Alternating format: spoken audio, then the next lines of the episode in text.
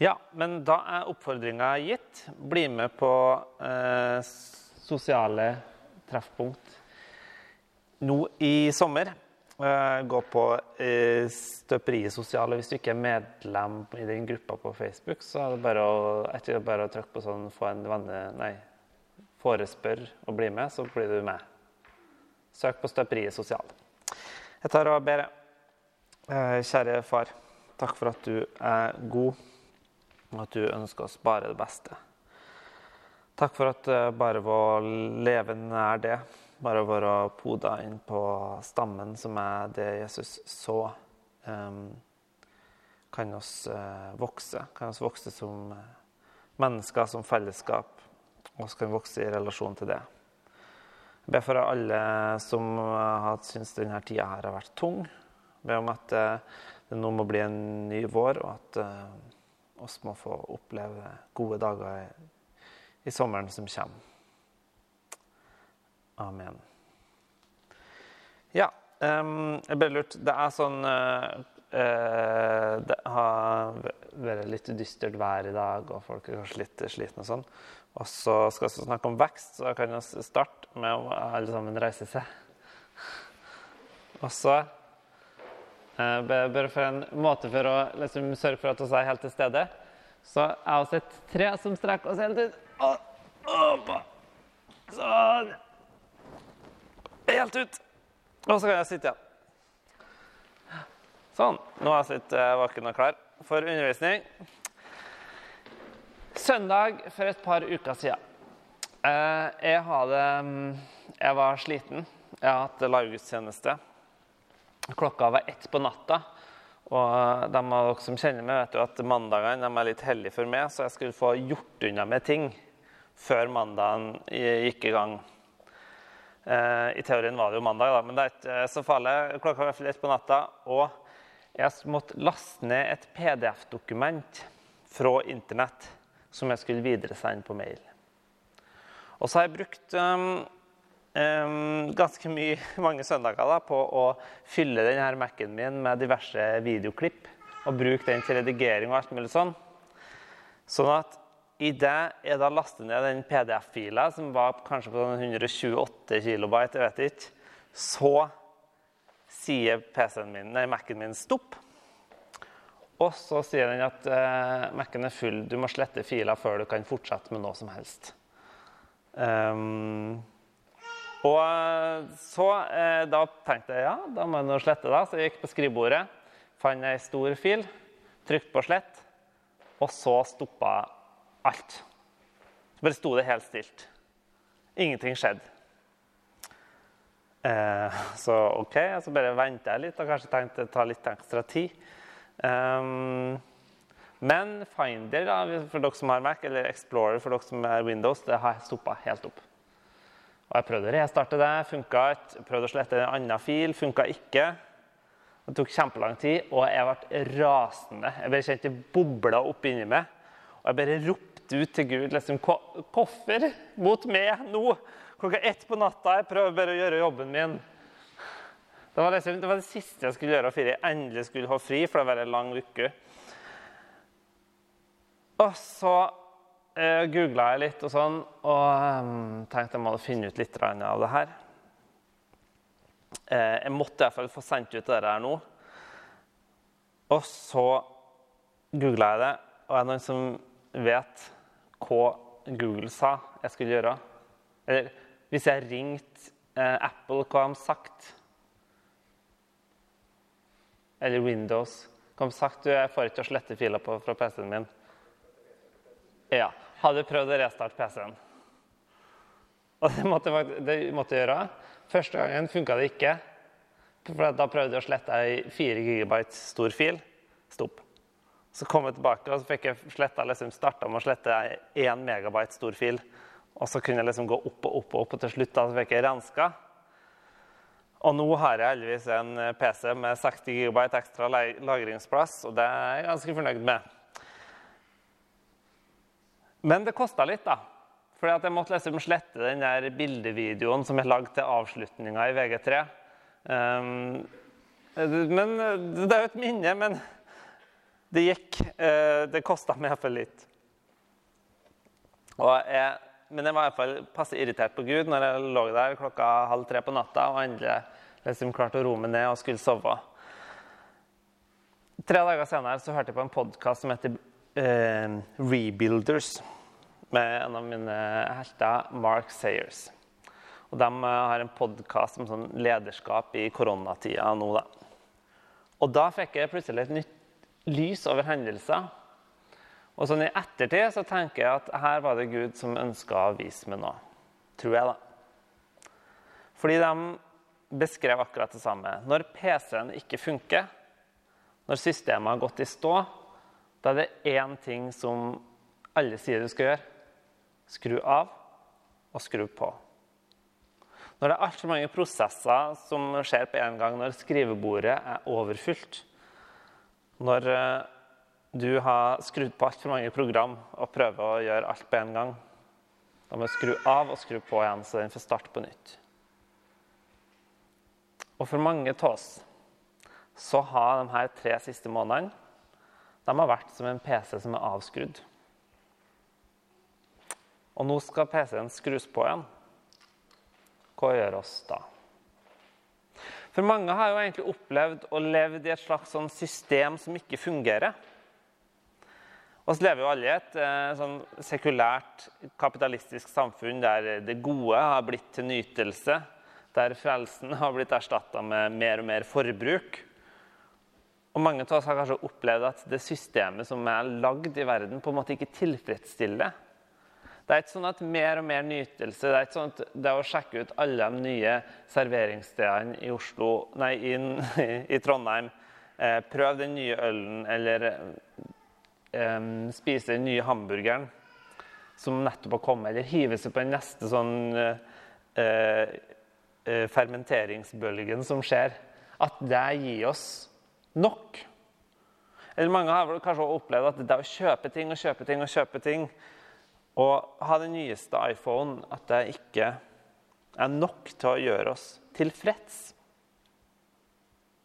For Hvis du tenker på tida di før korona, var du tilfreds? Nå spør jeg ikke var du lykkelig. Eller nå spør jeg ikke har du det bra, eller fikk du tida til å gå. Nei, var du tilfreds? Har du en viss fred med Gud, kjærlighet til deg sjøl eller omtanke for de neste? Eller levde du i et system som ikke fungerte? Kanskje et system som var overfylt, eller som har installert virus, eller Windows Vista eller noe sånt annet drit? Eller så var det bare noe i livet som gjorde at ting ikke funka. Og når jeg skrur på PC-en igjen etter at den har vært av, hva gjør oss da? Fortsetter du som før, eller gjør du noe nytt? Jeg skal ta en bibeltekst som jeg kom på, som står i Johannes kapittel 5. Den var også den teksten som han Jarle Skullerud talte over for et par uker siden til oss. Om den syke ved Betesta. Etter dette kom en av jødenes høytider. Det står i Johannes 5. Og Jesus dro opp til Jerusalem. Ved saueporten i Jerusalem ligger en dam som på hebraisk heter Betesta. Den er omgitt av fem bueganger. Der lå det en mengde mennesker som var syke, blinde, lamme og uføre. De ventet på at vannet skulle komme i bevegelse. For en engel fra Herren steg ned fra tid til annen, ned i dammen og rørte opp vannet. Den første som steg ned i dammen etter at, etter at vannet var blitt rørt opp, ble frisk. Uansett hvilken sykdom han hadde. Det var en mann der som hadde vært syk i 38 år. Jesus så han ligge der og visste at han hadde vært syk lenge, og sa til ham, 'Vil du bli frisk?' Den syke svarte, 'Herre, jeg har ingen som kan få meg ned i dammen når vannet blir rørt opp.' 'Og når jeg kommer fram, går alltid en annen uti før meg.' Da sier Jesus, 'Stå opp, ta båren din og gå.' Straks ble mannen frisk, og han tok båren sin og gikk.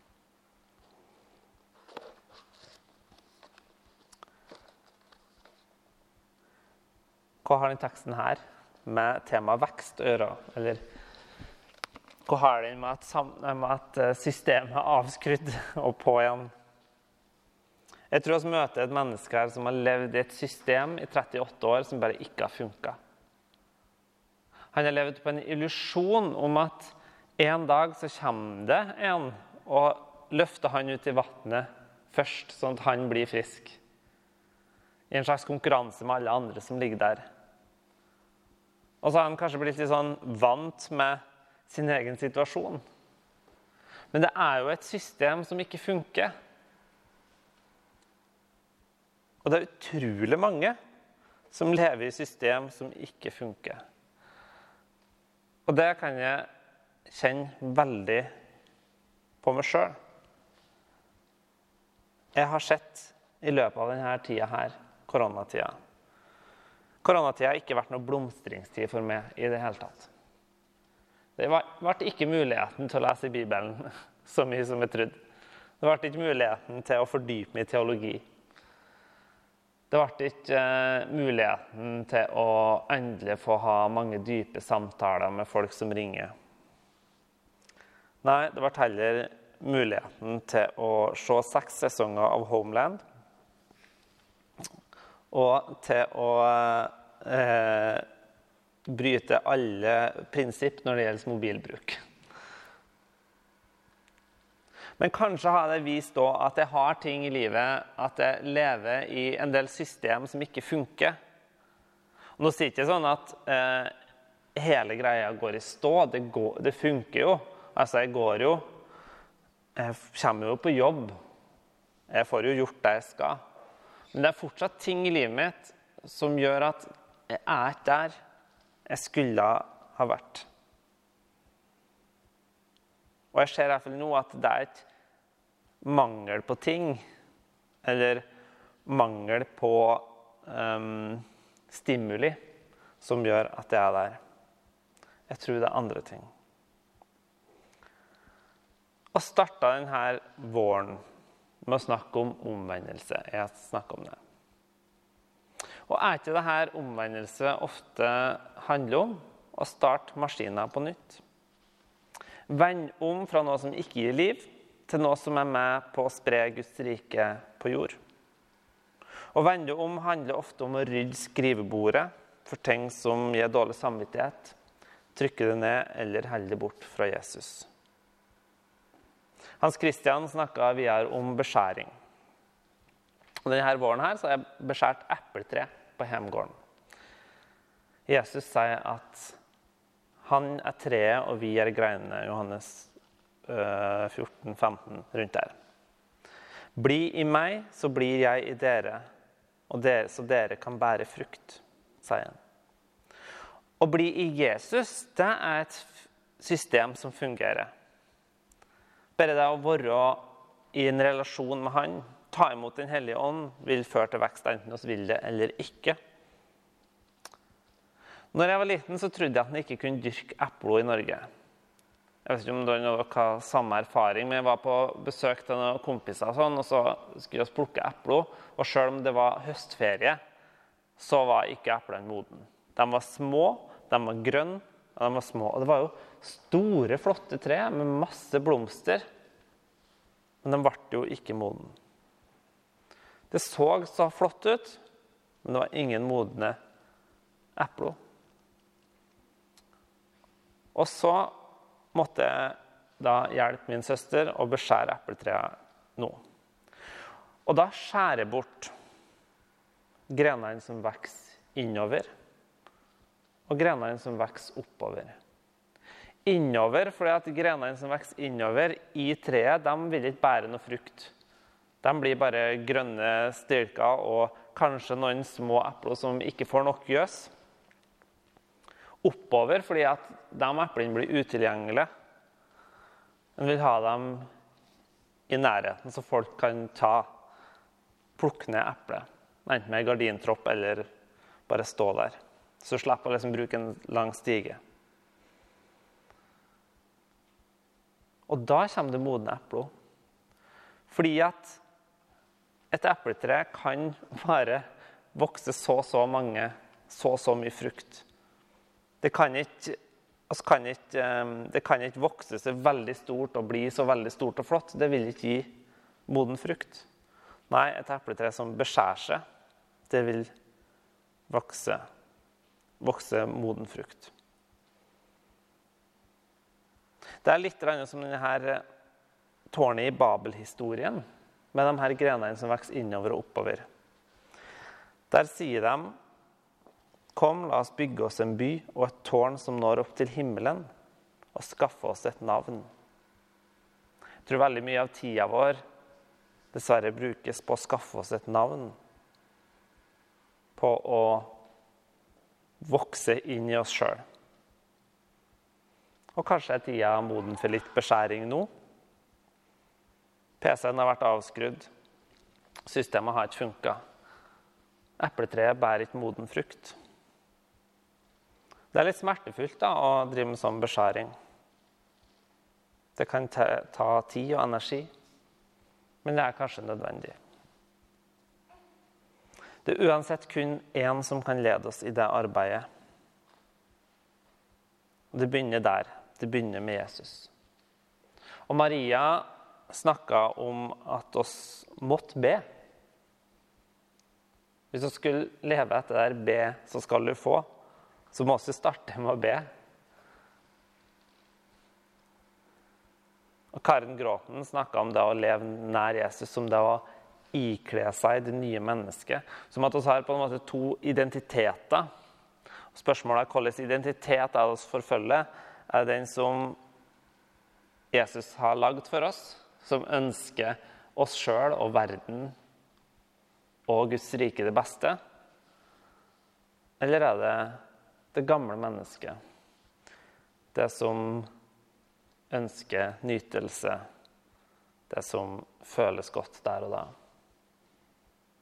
Og Stian Kilde Aarebrot snakka en del om det her, om hvordan praksiser kan være med å forme hjernen vår, sånn at vi slipper å bruke viljestyrke for å komme dit at vi lever i det nye mennesket. En praksis som kan være berikende for oss sjøl og ikke minst andre, er jo nettopp det å lytte til Guds stamme. Og gå på det Han kaller oss til. Det hørte oss om Marianne Braseth. Og til slutt så hørte oss Eivind Olafsrud, som viste litt hvordan det kan se ut når han velger å gå på det Jesus leder oss inn i, og forsøker å følge han. Så, også fått mange innblikk på eh, det med vekst i relasjon til Jesus og vekst som kirke og fellesskap. Hva nå? Hvor starta alt? Hvor starter forandringa? Jeg tror mye starter med denne feilmeldinga på skjermen. Og innse at det trengs noe forandring, at vi trenger hjelp. Og innse at vi trenger Jesus. Når vi innser det, da er vi faktisk på rett plass. Når du innser at du er litt hjelpeløs, da er du merkelig nok på, på rett plass. Og det er litt sånn det rare med Guds rike, da. At det er så motsatt. Det er når vi tror at vi ikke har noe å gi, at vi virkelig er i en rett relasjon med Jesus. Ole Hallesby kjent for denne helvetestalen. Um, den er jo litt misforstått, hele den saken. For helvetesdebatten handla egentlig ikke om Ole Hallesby, men om han biskopen som sa imot Ole Hallesby og mente at det ikke var noe som het fortapelse. Så det er egentlig helvetesdebatten handler om. Så. Men uh, anyway.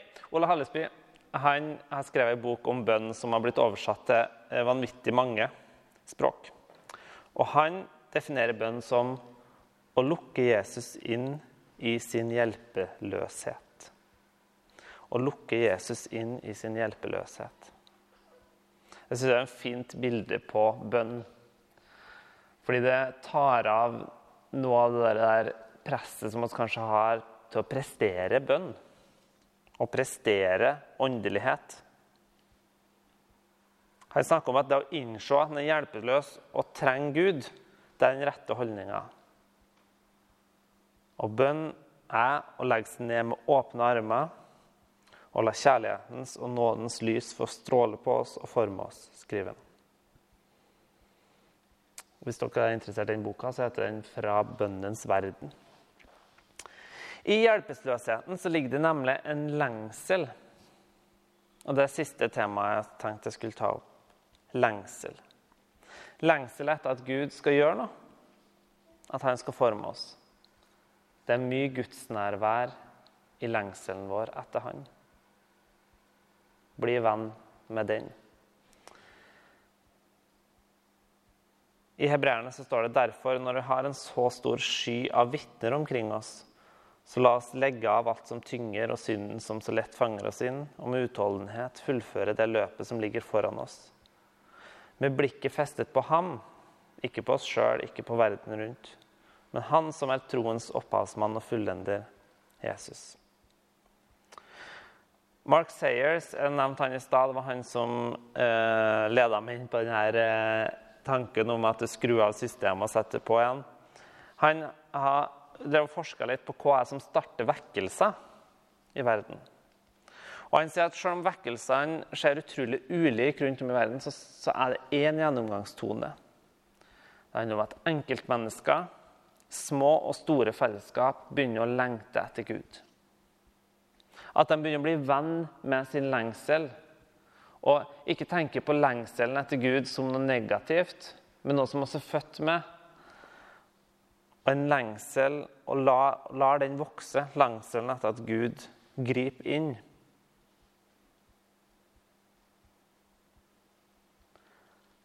Han innser at han er hjelpeløs.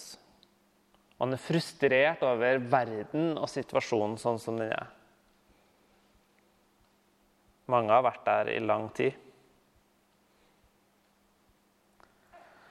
Men hva var som slags bønn som starta denne bevegelsen i Norge? Jo, den største bevegelsen som har skjedd i Norge, den var det Hans Nilsen Hauge som, som eh, starta. Er det noen som vet hvilken sang han sang i Fredrikstad når han gikk på jordet? Hans Christian nikker. En sang som heter 'Jesus, din søte forening og smake'.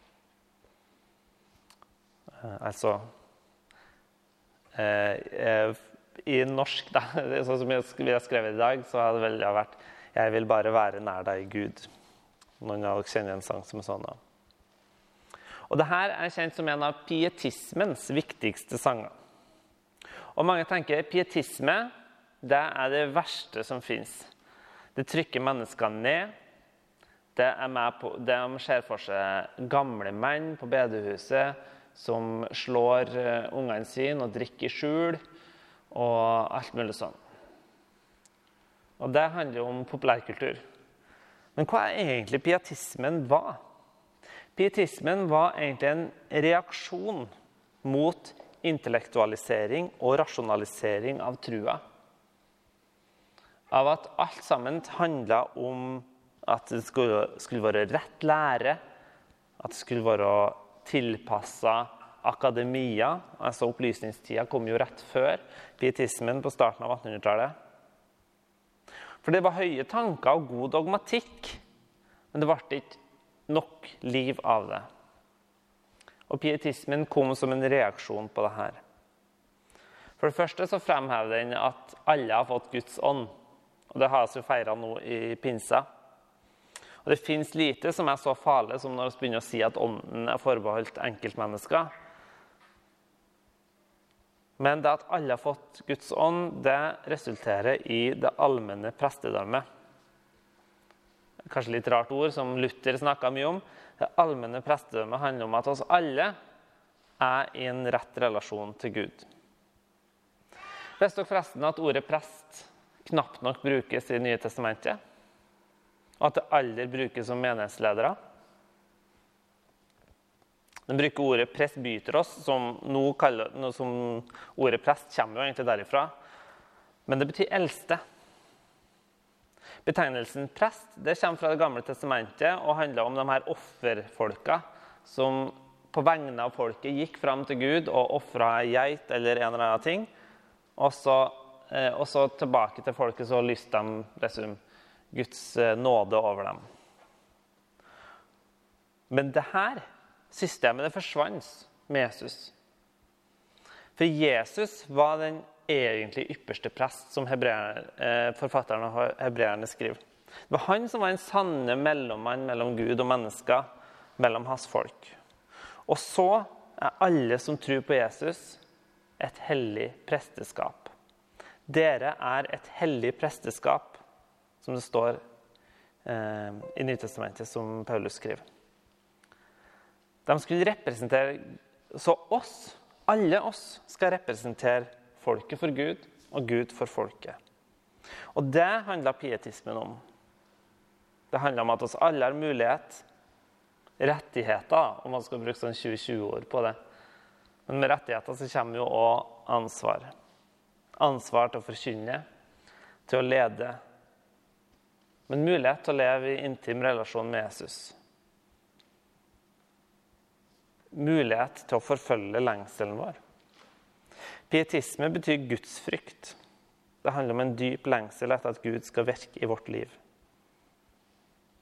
John Mark Comerine sier lengselen etter Gud er kanskje ikke vår sterkeste lengsel. Det er kanskje ikke den som føles sterkest, men det er vår dypeste lengsel. Og så kan lære oss å kjenne igjen denne lengselen og la den få vokse og bli enda sterkere og skal synge denne sangen som Hans Nilsen Hauge sang når han fikk kallet til å starte vekkelsen. Der han skriver 'Riv meg fra alt som meg holder tilbake'. Dra meg i deg, min begynnelse inn. En ny begynnelse. Jeg ba denne, den salmen her den lærte jeg når jeg begynte på MF um, i 2011. Og den festa seg veldig til meg. Og jeg har den på hjernen i fire-fem år. Og jeg ba eh, Og jeg opplevde at, at, jeg skulle be den her eh, litt ubevisst, og litt Gud og litt med og alt. Men jeg ba i hvert fall spesielt det første verset veldig mye. Og Der er det en bit som er 'Vis meg rettklarlig min jammer og møye'. Vis meg fordervelsens avgrunn i meg. Lengselen etter Gud den resulterer òg i at oss får åpna blikket når Gud svarer. Og du verden, jeg har sett mye jammer og møye til meg sjøl. Og dessverre så har jeg òg sett om ikke alt, så har jeg sett mye av fordervelsens avgrunn i meg sjøl. Men det som i hvert fall det resulterer i, er behovet. Et sterkt behov for Jesus. For hans nåde. For det er ikke bestandig jeg klarer å tilgi meg sjøl. Da kan jeg i hvert fall starte med å ta imot Guds tilgivelse. Det er ikke bestandig jeg klarer å gi meg sjøl en ny sjanse og en ny start og starte systemet på nytt. Men Gud klarer det fall. Og så er lengselen etter Gud en lengsel etter mer enn bare åndelige opplevelser. Det fins en del sånn nypietisme i dag kanskje som fokuserer veldig på det. Men åndelige opplevelser er jo egentlig bare et slags krydder som noen ganger kommer, og noen ganger ikke kommer. Og noen får mer av enn andre. Men ofte så er det kanskje ting der som også ikke ser sjøl. Men lengselen etter Gud taler ofte nok i seg sjøl. En Gud som gir oss det vi vil ha når vi vil ha det, kan ikke være Gud. Kan vi ha en sånn Gud? Da er det jo du sjøl, da. Det krever ikke å tro og tro på en sånn Gud men en Gud som har lengter etter. Som vi må velge å tro på, og som vi må håpe på. Det er en Gud. Og så avslutter salmen med 'Jeg vil med kvinnen fra Kanans øyne'. Og det er historien fra Matteusevangeliet med den kanoneiske kvinnen som kom og ropte på Gud og, nei, på Jesus og diskuterer med Jesus. Jesus avviser henne. Det er en av de verste tekstene der Jesus avviser henne og sier men jeg har ikke kommet for å hjelpe deg. Og så, og så klager hun og klager og klager og, og snakker til henne, og så sier han ja, men det er greit. Det skal bli som du vil. Og denne salmen avsluttes sånn Jeg vil med kvinnen fra Kanans øyne rope i lengsel og aldri bli stille. Før du, Gud, bøn, eh, til slutning på bønnen må tegne. Amen, ja, amen, deg skje som du vil. Det er en fantastisk måte å avslutte en sang At vi faktisk kan få rope til Gud hele veien fram til Han gir oss det vi vil, det vi egentlig vil. Enten glimtvis her på jorda eller fullt og helt i himmelen. Da tror jeg vi synger den sangen. Maria leder oss.